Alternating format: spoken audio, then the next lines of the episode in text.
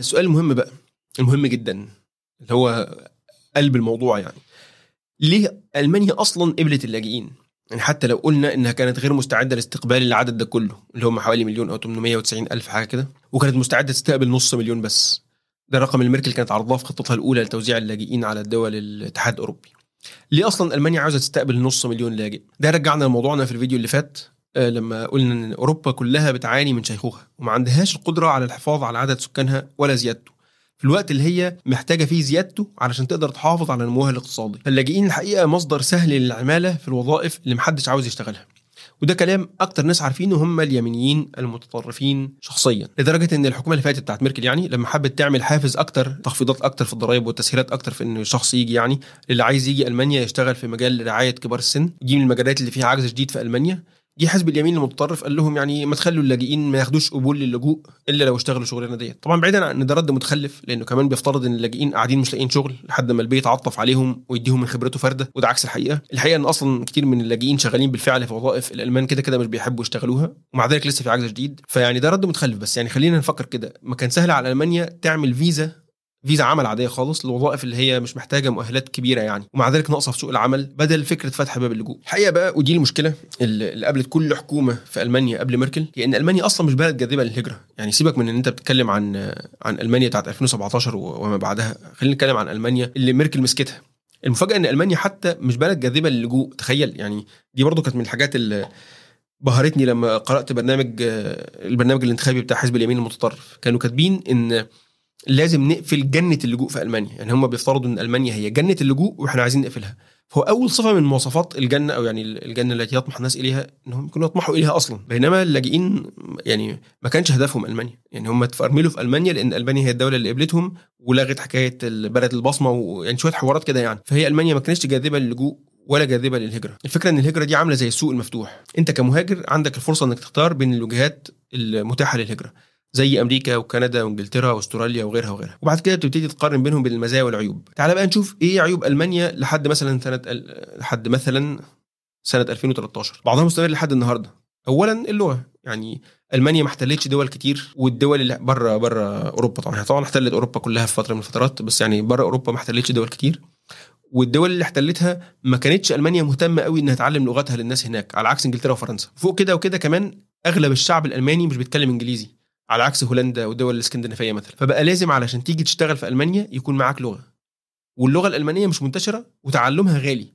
وما كانش ساعتها له مصادر كتير على النت إنك تتعلم اللغة الألمانية على عكس الإنجليزي والفرنساوي. ثانيا الثقافة يعني في دول ثقافتها أصلا إن هي دول مهاجرين زي أمريكا مثلا. فأنت بتعيش فيها بعاداتك وتقاليدك ومحدش شايف إن دي حاجة غريبة مهما كانت عاداتك دي غريبة. يعني كان في فيديو لتريفور نوا كان بيتكلم فيه عن الموضوع ده لما كان بيتريق على سفير فرنسا في أمريكا اللي اعترض على إن تريفور نوا وصف فريق فرنسا اللي كسب كأس العالم اللي فات إن أفريقيا كسبت كأس العالم. ممكن أبقى أحطه في الوصف بعد ما الفيديو يخلص. بعد ما اللايف يخلص يعني إن شاء الله. ألمانيا بقى مش كده خالص. يعني الحكومة الحالية بتحاول إنها تغير الثقافة دي عند الناس. حتى كانت كاتبة في برنامجها الانتخابي إن هي عايزة تنشر ثقافة إن ألمانيا بلد مهاجرين. فدول أول عيبين في ألمانيا الثقافة واللغة. ثالث عيب بقى واللي يعني أنا آسف إن هخدمكم بيه الاقتصاد. يعني أصلا ألمانيا اقتصادها أخذ ضربات كتير. الناس بتتكلم عن آخر كام سنة بس ألمانيا ما كانتش كده. ألمانيا قبل توحيد ألمانيا ما فيش حد عاقل كان بيهاجر المانيا الشرقية أصلا. وألمانيا الغربية كانت حالتها مستقرة اقتصاديا. بس انت متخيل يعني إيه تبقى عايش على الحدود بين اقوى دولتين في العالم واللي طول الوقت بينهم حرب باردة وممكن تشتعل في أي لحظة وتبقى حرب نووية وانت قاعد على الحدود. يعني أول واحد هياخد الطلقة في صدره. يعني هو كان آه ألمانيا الشرقية فيها الجيش الروسي وألمانيا الغربية فيها الجيش الأمريكي. ولو حصلت حرب هو ده خط المواجهة الأول. يعني حتى مشكلة بوتين دلوقتي إن المان إن أمريكا رحلت خط المواجهة لحد ناحية أوكرانيا كده. فبتقول لك لا إحنا عايزين نرجع خط المواجهة شوية. فهو بقى كان خط المواجهة في ألمانيا وكانت ألمانيا مقسومة نصين الشرقية والغربية. طبعا يعني ما كانش بلد جاذبة للهجرة ولا ال... وكانت في اقتصادها كان كويس بس كان دايما في خطر إن تبدأ حرب أول بلد تتدمر هي ألمانيا. وبعد كده حصلت الوحدة بين ألمانيا الشرقية وألمانيا الغربية. فألمانيا عانت ساعتها اقتصاديا جدا جدا جدا من آثار تكاليف إعادة بناء البنية التحتية الالمانيه الشرقية. وما زالت لحد النهارده لسه ما خلصتش مشاريع تطوير البنية التحتية في الشرق. البنية التحتية المتهالكة في ألمانيا الشرقية من أيام الاتحاد السوفيتي كانت مخلية مستوى معيشة الناس هناك قليل. لأن الشركات مش بتحب تروح تشتغل هناك لأن ما فيش هناك بنية تحتية اقتصادية قوية لا اتصالات ولا كهرباء ولا كلام من ده. فكانت ألمانيا بتنفست بتستثمر أموال طائلة في تجديد البنية التحتية هناك وما زالت يعني. وبعد الوحدة بكم سنة جت حكومة جيرهارد شودر وانتهى حكمها بخمسة مليون عاطل في ألمانيا بسبب شوية قرارات آه، متخبطة. ولسه يا دوبك ميركل جت تمسك يعني إحنا بنتكلم إيه؟ الحرب الباردة. بعدين الوحدة من الألماني الألمانيتين حصل تكاليف مهولة لإعادة تجديد البنية التحتية في ألمانيا الشرقية. وبعديها جيرهارد شرودر انتهى ب 5 مليون عاطل. جت بقى ميركل بقى الحمد لله. فحصلت الازمه الاقتصادية العالمية سنة 2008 ساعتها عملت ألمانيا نظام اللي هو Kurzarbeit اوقات العمل المق... القصيرة. فتقول للشركات بدل ما ترفد الموظف شغله ثلاث أيام في الأسبوع بدل خمسة. واليومين الباقيين دول إحنا ندفع له نصهم والنص الثاني بقى هو يستحمله يعني. فكأن الشخص بدأ بقى يقبض أربع أيام يشتغل ثلاث أيام ويقبض أربعة بدل ما يترفد يعني. فالشركة تفضل شغالة وتنتج والموظف يفضل متعين وبيقبض فلوس. هيحصل تضخم بس أهون من إن يحصل بطالة. ده كان نظرة الحكومة الألمانية ونجحت ساعتها يعني. فلسه ألمانيا بقى بتفوق من أزمة 2008 خبطت فيها أزمة ديون اليونان في وش الاتحاد الأوروبي كله. وكان على وشك الانهيار سنة 2010 فبعد ده كله أنت عاوز تقنع واحد يجي على ألمانيا يشتغل في وظيفة متدنية؟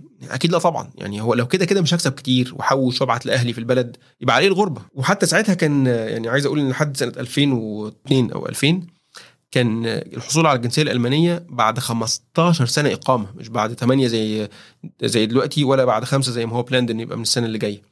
فتخيل بقى إنك موظف مثلا تروح تشتغل آه، تنظيف آه، حمامات ولا تنظيف ولا أي شغلانة يعني بعيدا عن عن آه، اسم الشغلانة نفسه يعني شغلانة مش محتاجة شهادة ومش محتاجة خبرة.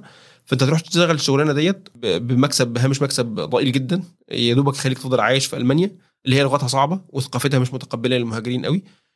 وكمان مش مش هتعرف تحوش ولا تبعت لأهلك حاجة وكمان عشان تاخد الجنسية قدامك 15 سنة. فيعني مقارنة بكندا وبأمريكا وبإنجلترا وبأستراليا وكل الدول دي لا طبعا كان اختيار سيء جدا يعني. فكانت ألمانيا بتعاني من إن في وظائف مفيش ألمان عاوزين يشتغلوا فيها ومفيش فرص إنك تقنع فيها تقنع أجانب إنهم يجوا يشتغلوا يجوا لألمانيا يشتغلوا بيها. فاللاجئين بالنسبة لألمانيا واقتصادها كانوا فعلا حرفيا يعني مفتاح الفرج. يعني لو مش مصدقني شوف فائض الميزانيه في ألمانيا بعد موجة اللجوء في آخر خمس سنين في ألمانيا ألمانيا عندها باستمرار فائض متزايد في الميزانية.